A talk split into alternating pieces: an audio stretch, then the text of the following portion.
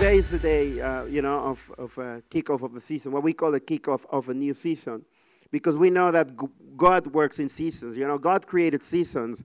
He created winter and summer and, and, and all the different seasons. And every different season has the good things and the bad things, the good, you know, the, the amazing things and the challenges. And in life, it's just the same thing. Every season that we go through, it has very good things, but it has challenges. You know, if you if you've been married, you know when you when you started dating, it was awesome, but it was challenging. It was probably more awesome than challenging because you know your chemistry is, is going up and you, you think, oh, the world is perfect. I'm on the clouds. My, my, my girlfriend or my boyfriend is beautiful. It's amazing. No, no, there's no problem. But then three months later, then things start popping up and challenges start popping up and all of a sudden the perfect person becomes a little bit more normal. And then you know it starts going. and once you get married then you know it's the world is a honeymoon. Everything is beautiful. The husband and the wife still fit. There's no tummy. Everything's strong. Once the honeymoon comes in that's it. You know the husband eats a lot. The wife it just goes, goes good. Not everyone, of course. But you know, seasons are always a good challenge. And I, I just want to talk to you about today what, what the challenge is to live in this new season. Because we have to learn that to understand that seasons are important for us. And to drive these seasons in our life is also very important. Now, we just moved. Uh, uh, um, I, I, I want to tell you because this is very personal to us because we are starting a new season in church. We'll be also starting a new season as, as uh, you know, people from the Netherlands because we just moved to Tilburg yesterday. So we are, we're now officially, we used to live in Breda, but now we, we said, hey, we're building Tilburg. We believe Tilburg is the next hub of innovation, and, and I, we believe the church is in the center of it, the church of innovation, you know, the, the innovation center, the, the next capital of, uh, you know, a, a, lot of businesses are going to come out of here, a lot of a great environment, and, uh, you know, artists and doctors, and but there's so much potential in this city, so we're going to move to Tilburg in order to, to say, hey, this is a stake in the ground, we're believing the best for this city. So we just moved here, so we have no clue where to go shopping, but we'll find out and uh, you know we, we don't know the city that well. We, we've been here a lot but you know it's just not being home. But now it's home. So it's a new season. But every time that we go into new seasons we need to go through different challenges. And i'm going to talk to you about uh, a very important passage that is about this what it means in new season. So we're going to look at a historical factor that is in the bible. And it's just really quick. I'm just going to tell you a story in the bible for those that don't know. Most of you will know the, the story of the 12 spies. So today's message is the spirit of a pioneer. The spirit of a pioneer. Every single one of us, when we go into new seasons in life, it doesn't matter if you're staying at home, if you are going to be a dad, you know that you're going to start something new. If you're going to get married, you know that you're going to need a step of faith. So the spirit of a pioneer will need to take you to a new level, a new mindset, a new, a new step where that is, you're going to break the way that you were thinking before. Because the way we were doing things before is no, no longer going to work. And if you remember pioneers, yeah, uh, you know, if you see it in the movies, you know, when they went from America to take, well, from Europe to take uh, over in America, it was all new. And we, sometimes we painted, the movies painted very romantic, you know, nice shack with wood and, and, and on the railways, and everything was romantic. But you can imagine if you move to a new place, everything needed to be built. It was not as romantic as in the movies. You know, everything was rough. There was nothing. There was no water, no electricity. There was no Google, of course. So, you know, how many of us will live without Google and without Netflix? Well, no one of us will, will be doing. But in that time, you know, there was nothing. It was rough. It was it take it took people that just were able to say, I'm gonna go for it because I know there's a new adventure, I know there's a new blessing. It took a different type of people. And this is the type of people that we believe God has called us to be, every single one of us. If you're here visiting us, I believe that you, we are in church, believe that you are called to make a difference here in this world. And therefore, you need to have the spirit of a pioneer. We cannot be conformed to what the world says. The world says, "Oh, you need to have a nice life, a nice house, a, a beautiful, you know, a nice car, and a nice dog, and that's it."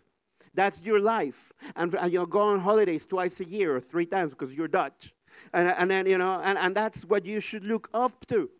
you know, maybe buy a 3,000 euro bike because that's what they do, or, or you know, do, do whatever. That, that's the life that you have. But I can tell you, God has never created you to have that type of life. That type of life is nice, but it's boring.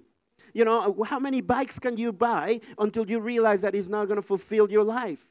God has called us to live a life that is for others, to help others. And it's a lot more exciting to live in a small house with a, probably not the best car in the world, but to know that your life is going to be remembered for the next generation. Oh, now I'm smoking. Okay, so, uh, you know, I'm so hot on preaching today that it's happening. No, just kidding.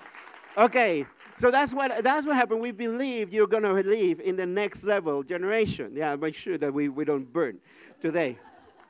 Okay, so uh, the 12 spies. So what happened in the story of the 12 spies? If we, if we read the, the Bible from the Amplified Bible, in Numbers, Numbers 13, 1 to 3, and I'm just going to jump a, a, couple of verses, different verses. I'm just going to read it because it's a long verse, but uh, yeah, just follow it. Then the Lord spoke to Moses, saying, Send men to spy uh, out the land of Canaan, which I am going to give to, so, to the son of Israel. From each of their families, tribes, you shall send men, every one a leader among them. So Moses sent spies from the wilderness to uh, Paran of the command to the Lord, and of them men who were heads of Israelites. So God sent leaders.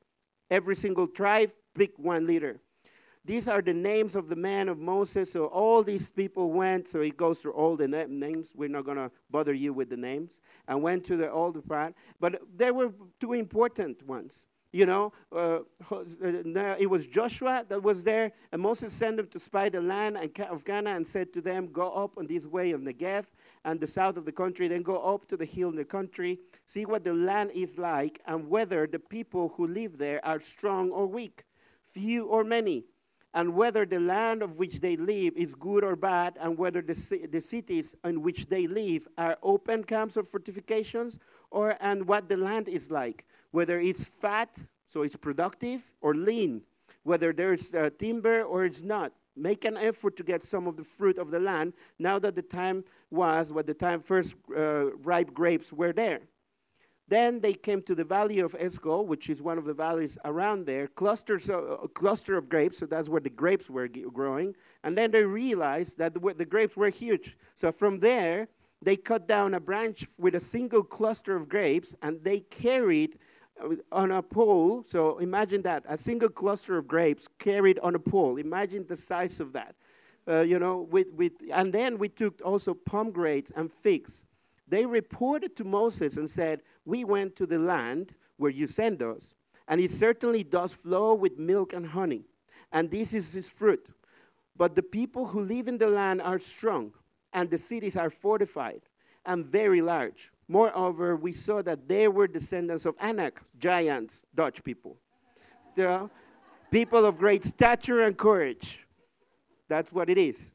Uh, then Caleb quieted the people before Moses and said, Let us go up at once and take possession of it, for we are certainly conquer it. But the men who had gone up with, with him said, We're not able to go up against the people, for they are too strong for us. So they gave the Israelites a bad report about the land which they had you know, spied out, saying, The land through which we went in spying out is a land of devours, it's a land that devours its inhabitants. And all the people that we saw are uh, there are men of great stature.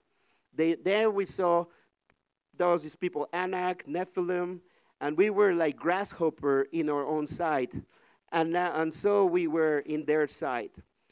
I think we can get a lot of really good examples and very good principles about pioneering in this piece of uh, chapter in history. You know, this is a historical chapter. How many times have you gone in life and you see the promise? You know, new school, maybe a new job possibility. You want to be a manager one day. Or maybe you see that, that beautiful girl that you really like.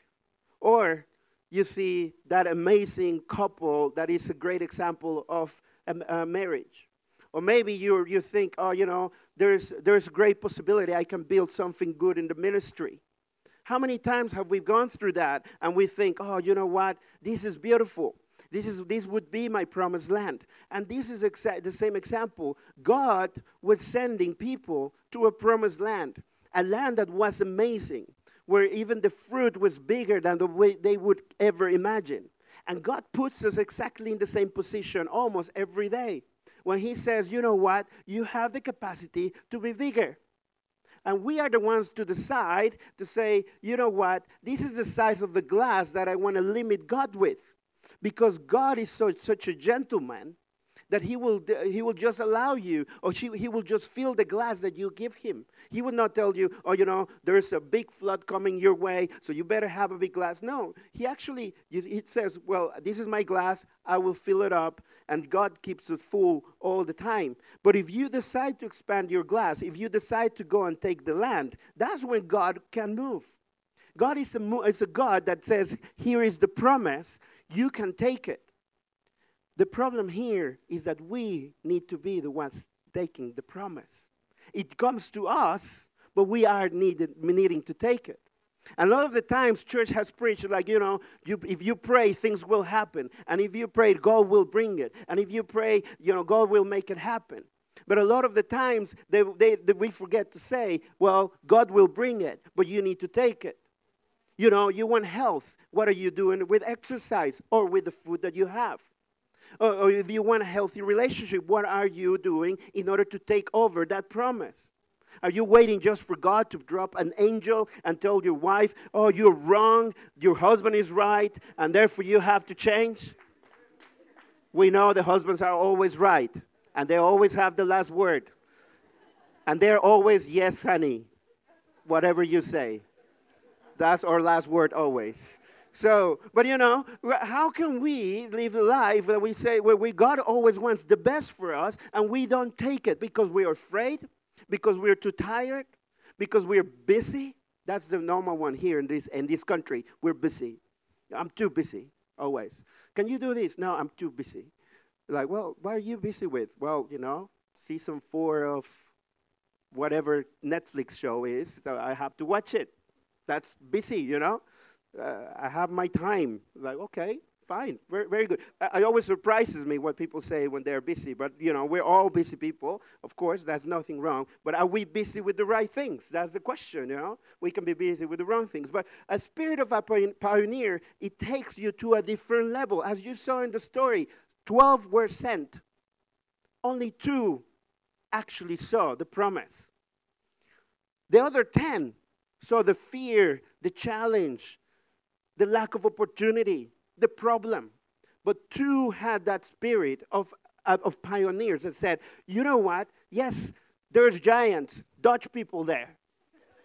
and we're Mexican, little people here. But you know what? I have God behind me. Even the baby is going for me. Yeah, it's very good. Uh, you know, uh, uh, God has something for each one of us uh, that, that says, you know what? You, why do you look? Do you look at the milk and honey? Do you look at the promise that I have for you? Or do you look at the challenge that it is? Are you willing to change your life to become a pioneer? Or are you willing to live according to what everyone does?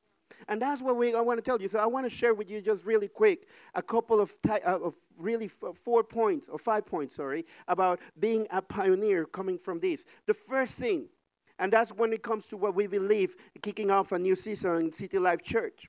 The first thing, they understand, the, the, the pioneers understand that they are leaders in their own sphere. They know who they are in Christ. If you see the first part, pick leaders from your tribe my question to you today, you probably think, oh, I'm not a leader, but you are. You are influencing someone, every single one of us. You, you might be influencing two people, you might be influencing just yourself, you might be influencing whatever, whoever you are, but you are always influencing someone. And believe it or not, you are a leader at some point. The question I have for you is Do you believe that you have what it takes to take those grapes and say, These are the grapes that God has given me? Or I'm going to get the leftovers because there's giants, there's challenges. So I'm just going to leave with the grapes from the Aldi. And, you know, that's the ones that not, but the Aldi are, by the way, not Aldi are, grapes are great. But, uh, I'm just putting an example, you know. But, but you know, am, am I going to take the best because God wants me to take the best, or I'm just going to compare and just say, no, I'm going to go the easy way. The, you know, no, no effort needed. That's the easy way. Now, you know, the pioneers really, they understand who they are in Christ, and we believe in a church that God has created you with the capacity to change the world. Because God, through Him, you can do bigger things. The second thing, they have the wisdom to see the reality of their condition. They were able to see, you know, they were, of course, these two people that were positive. They were able to see, like, yeah, that's right. They were giants. Yeah, that's correct. It was fortified. Yeah, that's true. There were a lot of challenges. I'm, not, I'm not being blind. They were able to see the reality of their condition, so that's the reality. But they were able to say, you know what? These are the situations. What is my plan around it? What are we going to do? Who are we going to trust in order to make it happen? So it's not people that just live naively thinking, oh, everything is going to be good. You actually have to be strategic. When you're a pioneer, you have to be strategic when you take a land. You have to say, yeah, we can do it. I'm going to take these steps in order to make sure that I'm okay, that I don't do crazy stuff. If you want to ju- go jumping, bungee jumping because you're a pioneer, you better make sure to check your cords, your, you know, your strings because if you don't check them, you might not even have strings to fall down. So every time that you take a step into the right direction, you need to check your reality. Check it, but don't live by it. You have to check, you know what, in, I, I need some, some studies, some extra studies. Great, do it. Or I need to buy deodorant so that the girl likes me. Well, go and do it. You know, or I, I need to put some makeup. Go and do it. Because, you know, everyone was created in a different way, and we need to understand that our condition gives us a set of reality, and that's part of who we are. But we cannot be limited by the way we are right now because God has something bigger for us your marriage might be in trouble right now and you might not know, you might not see an answer. But go and check your reality. Check how, how you are doing, not how your wife is doing or your, or your husband is doing, how you are doing. Where are you at? What do you need to change? What do you need to improve? In order for God to move forward and says, this is the blessing I want for you. The third thing that I believe is the spirit of a pioneer. They're able to understand the value of leadership. It's amazing to see these people said they went to the land where they sent us. They were sent to the land. Now, they didn't know there was, you know, uh, they could be coming back dead or not coming back at all. You know, they, maybe they just they killed them there. But they were able, when Moses sent them, they were able to say, okay, I'm going to go and send it. Now, a lot of people, especially in the Netherlands, have problems with leadership sometimes. You know, sometimes it's like, oh, you know, I'm not going to follow rules because I want to have the polder model where I want to have my opinion. And then after we share my opinion, we don't do anything because we just share our opinion.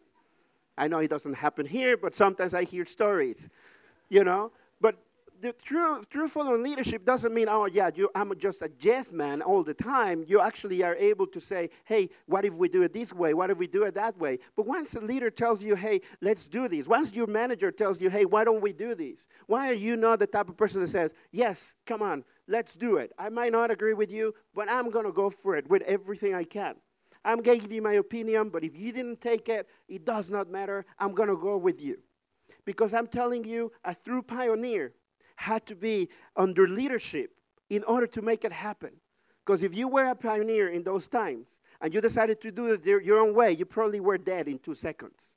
You had to be together in, in order to, to follow someone and to make sure, again, it's not blind following, it's not to say yes to everything, but it's just to be able to say, okay, even, if, even, even though I don't agree, I'm going to follow because God has put leadership above me, and I'm going to I'm going to follow that leadership. Of course, you're not going to take abuse. You're not going to take anything that is wrong.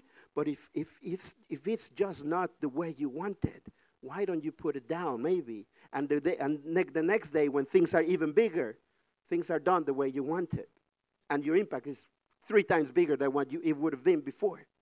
That's what happens with leadership. And the fourth thing they have the capacity to see God's power above their limitations. It's about fighting freedom. Two people of the 10, these guys are the top of the top of each one of their tribes. Only two of the 12 decide to have that. They have the capacity to see God's power above the limitations, what we call in our church finding freedom. Or circumstances, the past, the past situations that we had. That's not, that does not determine our life. It's Jesus Christ in us that determines our future. It's not our past. It's not if you had a dad or not. I did not have a dad. I didn't grow up with a dad. That doesn't mean that I'm not going to be a great dad or the best I can because of the freedom that I have through Christ. And He's going to give me a new answer. You might not have, you might have been told before, you're not able to do this, you're dumb, you're ugly, you are slim, you're fat, you're tall, you're short. The world is filled with negative people. If you think about it, everyone can tell you, you know what, you're not able to do it. But the only thing we know is that finding freedom in Christ says, now uh, this is my promise. I did it for you. God places always in a sphere of life that is only for us to be moved in. I cannot move in your sphere. Some of you are called to be doctors. And I, you know, I, although my parents are doctors, I would never be a doctor. I see blood and I start crying with the patient. You know, if someone starts crying, I will start crying too. So I cannot be a doctor. But some of you might be called to be a doctor. Or some of you might be called to be nurses. Or maybe some of you are called to be a multimillionaire. I might, I might not be a multimillionaire, but I want to hang out with you. But you know what? Like some of us are just called to do very many different things. You know, I, I, I am a Mexican called to build a church in the Netherlands, and I have no clue why because you know doesn't make sense. Maybe it's to get you back for the penalty that was not a penalty in the World Cup. Just kidding. That's a Mexican joke, not for you. But anyways, for those that don't know, you have to research, do your research and. Uh, the World Cup and Dutch and Mexico.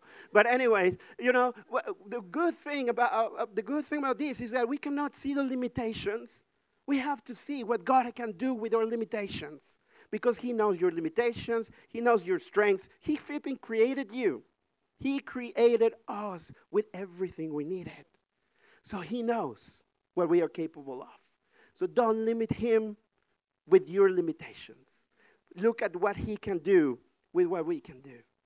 And the, the fifth thing, the last thing of a pioneer from this verse, they rise above small thinking and gossip. If you keep reading, it's a funny thing. For of the 12 that were sent, the 12 leaders, the best of the best, 10 come back and start talking negative. If you keep reading the birds, what happened with that? All of a sudden, this group of around three to four million people who did they listen to? Did they listen to the two people? No. They listened to the ten.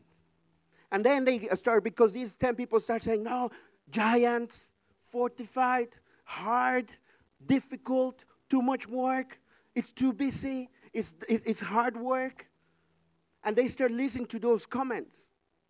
And the gossip starts spreading. It's too hard. And you know, maybe the people that were in that room, which they were, there was no internet, there was no social media, so they couldn't, you know, they, they couldn't FaceTime too hard. You know, they couldn't do that at that time. It had to be shared with others through voice and voice and voice, through word of mouth. And what the whole population hears 3 million people. They, the 3 million people here is too hard. We're in danger. They're going to kill us. And they go to Moses and says, why did you take us to this land? You told us it was a promised land. You, talk, you told us it was going to be ours. You told us it was going to be good. And now look at where we are. We should have been back being slaves. So people hear to negative people and they're willing to be enslaved in the worst conditions just because they're not willing to work hard and not believing that God has for them. So, true pioneers, they rise above small thinking and gossip. We have to watch out what we hear and what we speak because those words have, have you know, they have power. Oh, I'm going to study something new. Oh, but I'm too dumb. Well, you're already killing yourself. Or I'm, I'm, I'm gonna, you know, I'm gonna ask her out. Oh, but you're too ugly. You're already killing yourself. you know, I, I, if I would have thought I, I, I could have had my beautiful wife the way, the way my circumstances looked like, it's like, man, you know, I'm shorter, I'm Mexican, I don't speak the language. I, there's so many circumstances that said no. But, you know, in God, you just say, well, hey, why not? You know, why not? She is the lucky one to have me.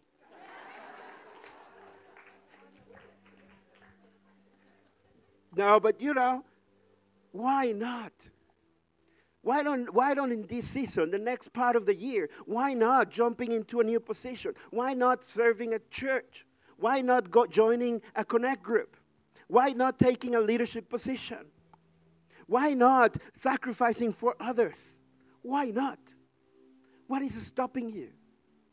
A bunch of the tenth that is talking negative. Oh, but if you jump into that position, it's going to be too hard. You, go, you know, you, you're going into a new job. Oh, but watch out. It's, it's too much work. Much, it's responsibility. Now you better stay where you are. You know, it's, it's, that's, that's, that's better. Or if you're going to serve a church, hey, just don't, don't, you know, it's too busy. It's too much. They ask you for too much of your time. Hey, you know what? People are dying and they're going to spend eternity in hell. We're called to bring life and to live a life here while we're here in a better way. So if one hour extra of your time on a week, one hour extra of your time on a week is going to take too much of your time. What about the Netflix series? If you put it together, you know, 48 hours you're going to spend watching one series of Netflix. 48 hours. What's, what benefit is that going to give you? A few laughs, maybe crying, maybe scared. And after that, when you died, when you die and go down the ground, no one is going to say, like, oh, I love that person. He watched the whole season of whatever. He knew, he knew all the chapters of Friends. And, uh, you know, it was, so, it was so incredibly popular about that. No one is going to say that about you. But I can tell you, the day you die, they're going to remember you. That guy was there and he invited me coffees when no one else invited me. That guy was there when I had depression and or that girl and he was calling me every single day just to check out what, how I was doing. That person lift up a table so that other people could eat together. That's what we're going to be remembered for. It's what we give, what we're going to be remembered for, not what we get. So I just want to encourage you be a pioneer today. Just be a pioneer that decides, you know, my next step is going to be just to join a connect group. My next step is just to, to, to join a life group. My next step is just to find that new job. My next step is just to talk to the girl. Or my next step is just to be a better husband. Because that's what God wants in this new season. So I just want to encourage you with everything you can, take on the ground. Find God, find freedom, and make a difference together. Because we're going to change it.